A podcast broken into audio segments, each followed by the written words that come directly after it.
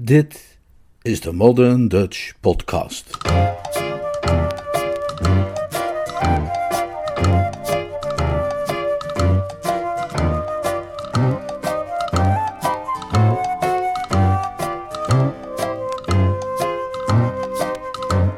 Jill the Musical.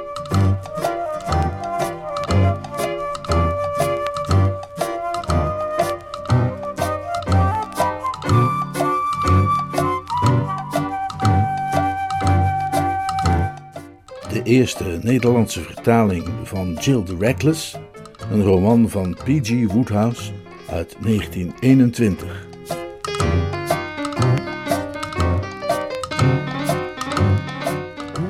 Vertaald en voorgelezen door Leonard Beuger.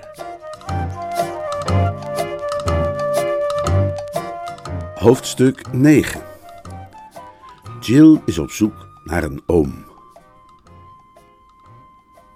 New York verwelkomde Jill toen ze uit het Pennsylvania Station op 7th Avenue kwam met een werveling van poedersneeuw die haar wang even aanraakte als een kus. Een koude, verkwikkende kus zoals je die kunt verwachten van deze levendige stad. Ze stond bij de ingang van het station, een piepklein figuurtje naast die enorme pilaren, en keek om zich heen met gretige ogen. De wind zwiepte langs de avenue. De lucht had een heldere, schitterende tint van het stralendste blauw. Er hing energie in de lucht en hoop. Ze vroeg zich af of Mr. Elmer Mariner ooit in New York was geweest. Het was moeilijk voor te stellen dat zelfs zijn gruwelijke somberheid onaangetast zou kunnen blijven door het levendige temperament van deze stad. Ze pakte de brief van oom Chris uit haar tas. Hij had haar geschreven vanaf een adres aan East 57th Street. Ze zou hem nog net op tijd te pakken kunnen krijgen voordat hij weg was voor de lunch. Ze hield een taxi aan die juist het station verliet. Het was een trage rit, telkens onderbroken door verkeersopstoppingen, maar een kort ritje wat Jill betrof. Ze was verbaasd over zichzelf, een Londenaar sinds jaar en dag, dat ze zich zo provinciaal voelde en zo onder de indruk was. Maar Londen was ver weg.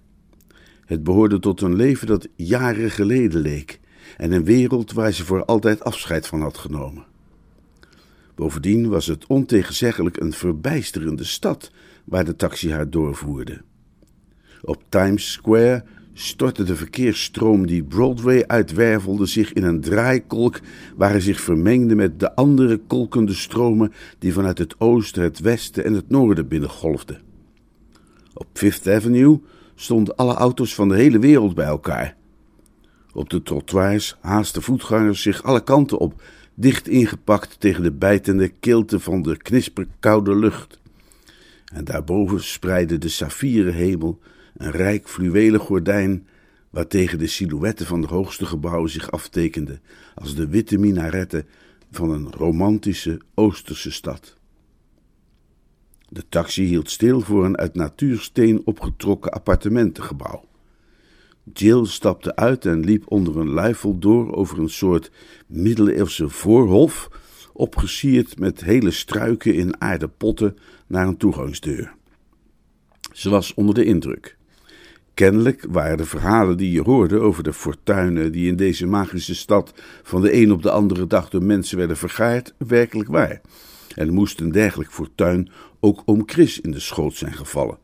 Want iemand voor wie geld een probleem was, kon het zich onmogelijk veroorloven ergens te wonen als hier. Als Cruises en de graaf van Monte Cristo hier onderdak hadden gezocht, zouden de autoriteiten hen waarschijnlijk in eerste instantie wat twijfelachtig hebben bekeken en erop hebben gewezen dat er een maand huur werd verlangd bij vooruitbetaling. In een glazen kooi achter de toegangsdeur zat een eerbiedwaardige oudere heer in het exuberante uniform van een generaal van het Guamalteekse leger de krant te lezen en kauwgom te kauwen. Hij leverde een magnifieke aanblik. Hij droeg geen juwelen, maar dat was ongetwijfeld vanwege persoonlijke afkeer van vertoon. Omdat er niemand van nederige rang en stand bij de hand was bij wie Jill zou kunnen verzoeken om het voorrecht van een audiëntie, nam ze de moedige stap hem rechtstreeks aan te spreken. Ik, ik zou graag majoor Selby willen spreken, alstublieft. De Guatemalteekse generaal onderbrak even de ritmische beweging van zijn kaken, liet zijn krant zakken en keek haar met opgetrokken wenkbrauwen aan. Eerst dacht Jill dat hij hooghartige minachting wilde uitdrukken, maar toen begreep ze dat wat ze voor dédain had aangezien verbazing was. Major Selby? Major Selby. Er woont hier geen Major Selby. Major Christopher Selby. Niet hier, antwoordde de associé van het corps diplomatiek en de verwende lieveling van Guatemala's meest trotse schoonheden. Nooit van mijn leven van gehoord.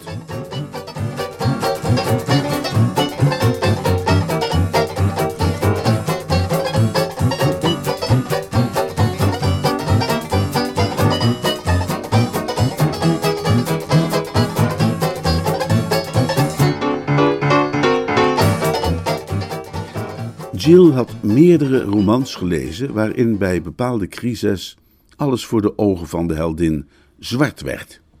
Maar tot nog toe had ze die opmerkelijke sensatie nooit zelf ervaren. De verlosse van Guatemala werd misschien ook niet echt helemaal zwart, maar hij flikkerde zeker. Ze moest met haar ogen knipperen om zijn prismatische contouren weer scherp te krijgen. Reeds begonnen de drukte en het lawaai van New York bij haar die duizelingwekkende toestand van onwerkelijkheid te veroorzaken, die men ook in dromen ervaart, en deze buitengewone mededeling was de klap op de vuurpijl. Misschien had het feit dat ze alstublieft tegen hem had gezegd toen ze het gesprek opende, het hart geraakt van de held van duizend revoluties.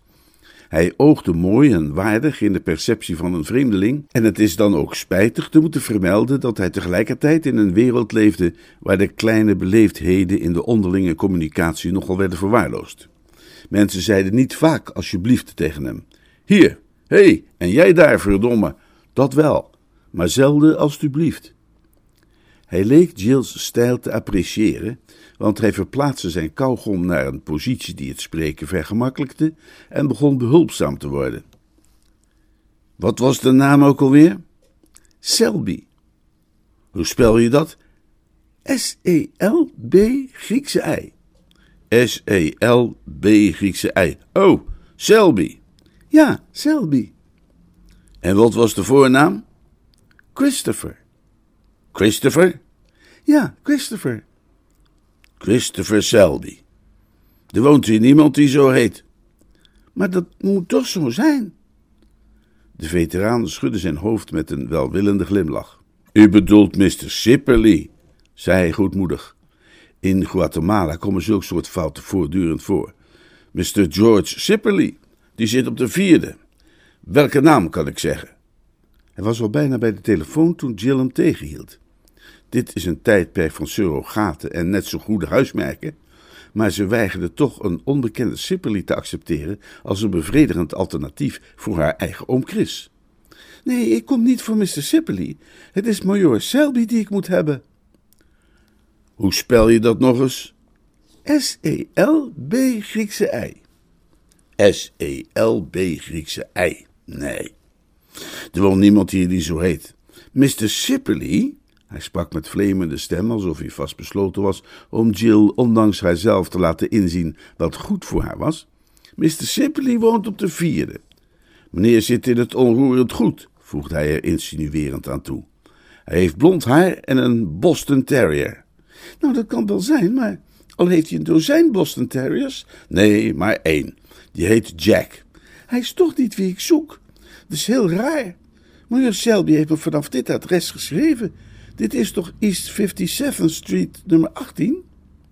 Dit is East 57th Street nummer 18, gaf de ander voorzichtig toe. Ik heb zijn brief hier. Ze deed haar tas open en slaakte een uitroep van ontzetting. Hij is weg. Mr. Sipley had afgelopen herfst een vriend bij hem logeren. Een Mr. Robertson, donker getinte man met een snor. Ik heb hem eruit gehaald om naar het adres te kijken en ik wist zeker dat ik hem terug had gedaan. Ik moet hem hebben laten vallen. En we hebben een Mr. Rainsby op de zevende. Effectenmakelaar op Wall Street, kleine man met een spraakgebrek. Jill knipte de sluiting van haar tas dicht. Nou, laat maar, zei ze. Ik moet me hebben vergist. Ik was er vrij zeker van dat dit het adres was, maar het is duidelijk niet het geval. Dank u wel. Sorry dat ik u heb lastig gevallen. Ze liep weg en liet de schrik van Paraguay en alle tussengelegen stations sprakeloos achter. Want mensen die dank u wel tegen hem zeiden, waren nog zeldzamer dan degene die alstublieft zeiden. Hij volgde haar met een liefdevolle blik tot ze uit het zicht was, bracht zijn kauwgom weer in circulatie en ging terug naar het lezen van zijn krant. Heel even kwam het nog in hem op dat wie Jill echt had moeten hebben, Mr. Willoughby was, op de achtste verdieping. Maar het was nu te laat om dat tegen haar te zeggen, en al snel verzonken in het verhaal over een temperamentvolle inwoner van Kansas en zijn bijl, die amok had gemaakt met zes slachtoffers tot gevolg, zette hij de kwestie uit zijn hoofd.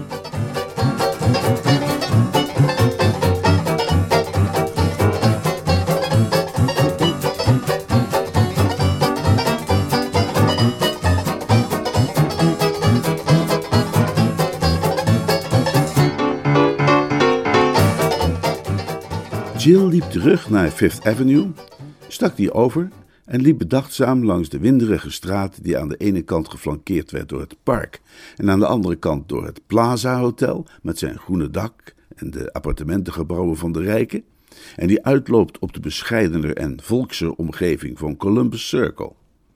Ze moest constateren dat ze zich in die positie bevond die we maar al te goed kennen uit het melodrama. Ze was alleen in een grote stad. De reflectie bracht een zeker ongemak met zich mee. Het tasje dat aan haar pols bungelde bevatte het ganse kapitaal dat ze in deze wereld bezat. De povere restanten van de 20 dollar die oom Chris haar in Brookport had gestuurd. Ze kon nergens heen.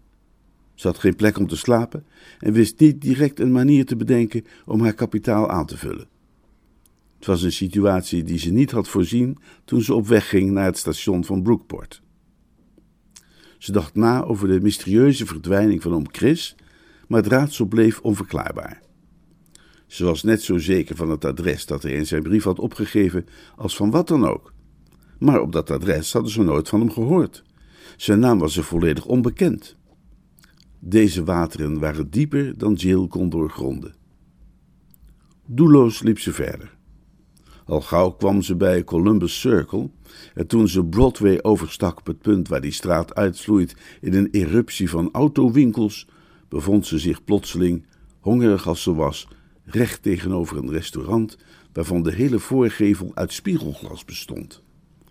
Aan de andere kant van dat glas, aan marmeren tafeltjes, schijnbaar zonder zich te bekommeren om hun volstrekte gebrek aan privacy, zaten de minvermogenden te lunchen met elke ze namen als een spektakel voor de voorbijganger.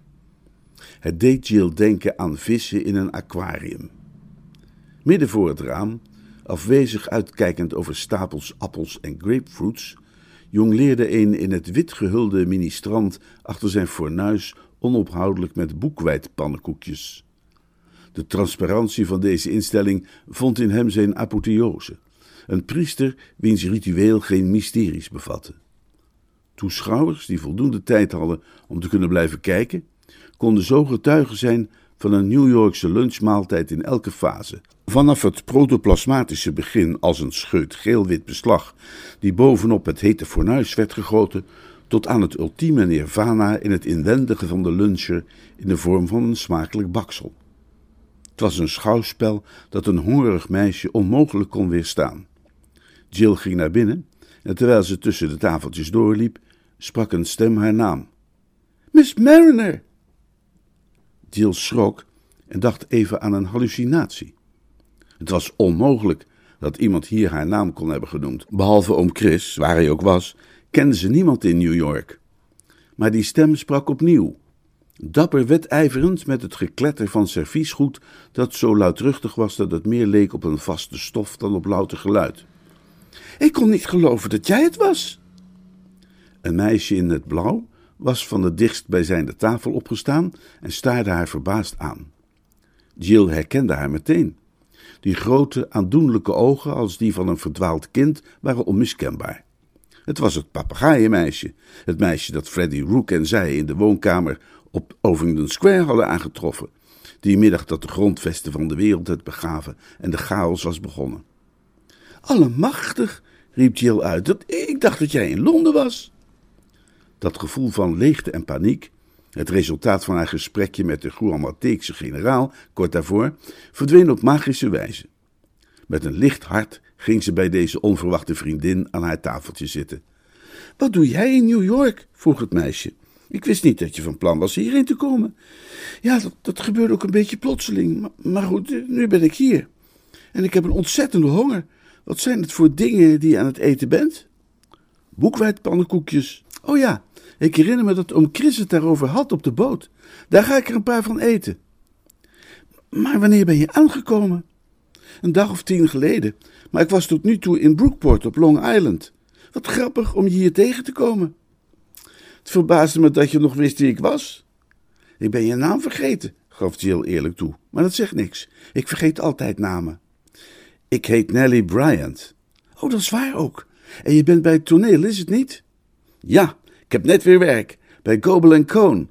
Hallo, Phil. Een jonge man met een lenig figuur en strak achterover gekamd zwart haar was bij hun tafeltje blijven staan onderweg naar de kassa. Hallo, Nelly. Ik wist niet dat jij hier lunchte. Doe ik ook niet zo vaak. Ik heb net met Joe gerepeteerd bij het uh, Century Rooftop Theater. En ik had even een kwartiertje om een hapje te eten. Mag ik gaan zitten? Natuurlijk. Dit is mijn vriendin Miss Mariner. De jongeman schudde Jill de hand en wierp haar een goedkeurende blik toe vanuit zijn donkere, rusteloze ogen. Prettig kennis te maken. Dit is Phil Brown, zei Nelly. Hij speelt de aangever voor Joe Widgeon. Ze zijn het beste jazz- en hokum-team in de Keith-theaters. Nou, stil maar, zei Mr. Brown bescheiden. Jij zou een geweldige plugger zijn, Nelly. Altijd geweest. Nou, je weet het zelf ook wel. Hoeveel keer moesten jullie niet terugkomen in het palace? Nou dan. Dat is waar, gaf de jonge man toe. We hadden ze op de stoelen. Ik heb ze niet geteld, maar tig open doekjes bij de tweede voorstelling zaterdag. Jill luisterde gefascineerd. Ik versta er geen woord van wat jullie zeggen. Het is alsof jullie een andere taal spreken. Jij komt van over de plas, hè? vroeg Mr. Brown. Ja, ze is pas vorige week aangekomen, zei Nelly. Dat dacht ik al aan je accent te horen, zei Mr. Brown. Dus ons gesprek gaat je boven de pet, zeg maar. Nou, je zult snel genoeg Amerikaans leren als je hier blijft hangen. Ik heb al wel wat geleerd, zei Jill. De ontmoeting met Nelly had haar erg opgelucht en haar een heel gelukkig gevoel gegeven. En deze jongen met zijn gladde haar was ook heel aardig. Vanmorgen in de trein zei een man tegen me: Wil je misschien de ochtendkrant, zus? Ik zei: Nee, bedankt, broer. Ik wil liever wat uit het raam kijken en nadenken. Ja, je komt een hoop brutale gasten tegen in de trein, merkte Mr. Brown streng op. Je kunt ze het beste ijskoud negeren. Hij wendde zich tot Nelly. Ben je bij Ike geweest, zoals ik gezegd had? Ja. En? Succes? Ja. En ik ben nog nooit zo blij geweest in mijn hele leven. Ik had meer dan een uur staan wachten daar op die overloop, maar toen kwam Johnny Miller langs en ik toeterde in zijn oor dat ik werk zocht en hij zei dat het wel goed kwam. Hij is altijd ontzettend goed voor meisjes die al in eerdere voorstellingen voor hem gewerkt hebben. Als hij er niet was geweest, had ik daar misschien nu nog gestaan. Wie, vroeg Jill, die graag wilde weten waar het gesprek over ging, eh, wie is Ike? Mr. Gobel, waar ik net werk heb gevonden. Gobel Cohn, weet je wel? Heb ik nog nooit van gehoord. De jonge man stak zijn hand uit. Dan kun je me een hand geven. Ze hebben ook nog nooit van mij gehoord. Althans, die kerel die ik heb gesproken op kantoor had dat niet. Hoe bestaat het, hè? Oh, ben jij er ook geweest? vroeg Nelly. Tuurlijk. Joe wilde graag in een ander soort voorstelling spelen op Broadway. Hij is het voor de film een beetje zat. Ja, ik wil je niet bang maken, Nelly. Maar als je het mij vraagt, is de voorstelling die ze bij Gobel Cohn aan het voorbereiden zijn een potentiële flop. Ik geloof ook niet dat Ike er een cent van zijn eigen geld in heeft zitten. Volgens mij doet hij de productie voor een stelletje amateurs. Moet je horen. Joe en ik vallen daar binnen om te zien of er iets voor ons is. Zit daar een lange kerel met zo'n neppe schildpadbril in Ike's kantoor en die zegt dat hij de schrijver is en de hoofdrolspelers persoonlijk wil casten. Wij vertelden hem wie we waren, maar dat zei hem helemaal niks. Hij zei dat hij nog nooit van ons had gehoord. En toen we het uitlegden, zei hij: Nee, van ons soort werk zat er niks in die voorstelling. Hij zei dat hij zijn best deed om het publiek wat beters voor te schotelen dan het gebruikelijke soort dingen. Revueartiesten kon hij niet gebruiken. Hij zei dat het een poging was om de Gilbert en Sullivan traditie in ere te herstellen. Wie zijn trouwens die Gilbert en Sullivan figuren? In de kranten worden ze voortdurend opgehemeld, maar ik heb nog nooit iemand gesproken die ze wel eens ergens gezien heeft. Als het mij vraagt, is die voorstelling waar ze aan werken een komische opera. Grote genade. Nelly, die als elke musicalartiest een gruwelijke hekel had aan het oudere genre, niet voor het een of ander, maar de komische opera is hartstikke dood sinds is daar nul. Nou, deze jongens gaan hem opgraven dan. Zo ziet het er volgens mij althans uit. Hij dempte zijn stem. Zeg, gisteravond heb ik gesproken, zei hij op vertrouwelijke toon. En het is helemaal in orde gekomen. Echt waar? We hebben het goed gemaakt. Het zat zo. Zijn gesprek kreeg een intieme wending. Ten behoeve van Nelly deed hij de complete interne geschiedenis uit de doeken met al zijn gevolgen van een recente ongelukkige breuk tussen hemzelf en het liefste meisje van Flatbush. Wat hij had gezegd, wat zij had gezegd, wat haar zus had gezegd en hoe het uiteindelijk allemaal goed was gekomen. Jill zou zich wellicht een tikje buitengesloten hebben kunnen voelen, waren het niet dat er een onverwacht opwindend idee bij haar aan het opkomen was. Ze ging achterover zitten op haar stoel en dacht erover na. Wat kon ze tenslotte anders doen? Ze moest iets doen. Ze boog zich weer naar voren en onderbrak Mr. Brown in zijn beschrijving van een heftige confrontatie tussen hem en de zus van het liefste meisje, die in alle opzichten een onaangenaam persoon leek te zijn. Mr. Brown? Hallo? Denk je dat ik een kans zou maken als ik om werk vroeg bij Gobel Cohn? Je maakt een grapje, riep Nelly. Helemaal niet. Maar waarom zou jij werk willen? Ik heb werk nodig en dringend ook. Dat begrijp ik niet. Jill aarzelde. Ze praatte niet graag over haar privézaken, maar ze kon er deze keer echt niet onderuit. Nelly keek haar met grote ogen verbijsterd aan. En Mr. Brown was duidelijk niet van plan zich tactvol terug te trekken. Hij wilde ook alles horen. Ik heb mijn geld verloren, zei Jill. Je geld verloren? Bedoel je, ik ben echt alles kwijt, elke cent die ik bezat. Vervelend, wierp Mr. Brown er met recht tussen. Ik zat een keer helemaal zonder geld in een of ander flutstandje in Oklahoma. De manager had ons niet uitbetaald. De laatste keer dat we hem zagen was toen hij als een speer richting Canada vertrok. Maar, maar, maar hoe? hijgde Nelly. Het gebeurde rond die tijd dat wij elkaar in Londen hebben ontmoet. Herinner je je nog Freddie Rook, die die middag bij ons thuis was? Er kwam een dromerige blik in Nelly's ogen. Er was geen uur verstreken sinds hun afscheid dat ze niet aan die sportieve jongeling had gedacht. Freddy zou ervan hebben opgekeken als hij het had geweten, maar voor Nelly Bryant was hij de enige volmaakte man in deze onvolmaakte wereld. Ja, die herinner ik me nog, zuchtte ze extatisch. Mr. Brown wierp haar een nieuwsgierige blik toe.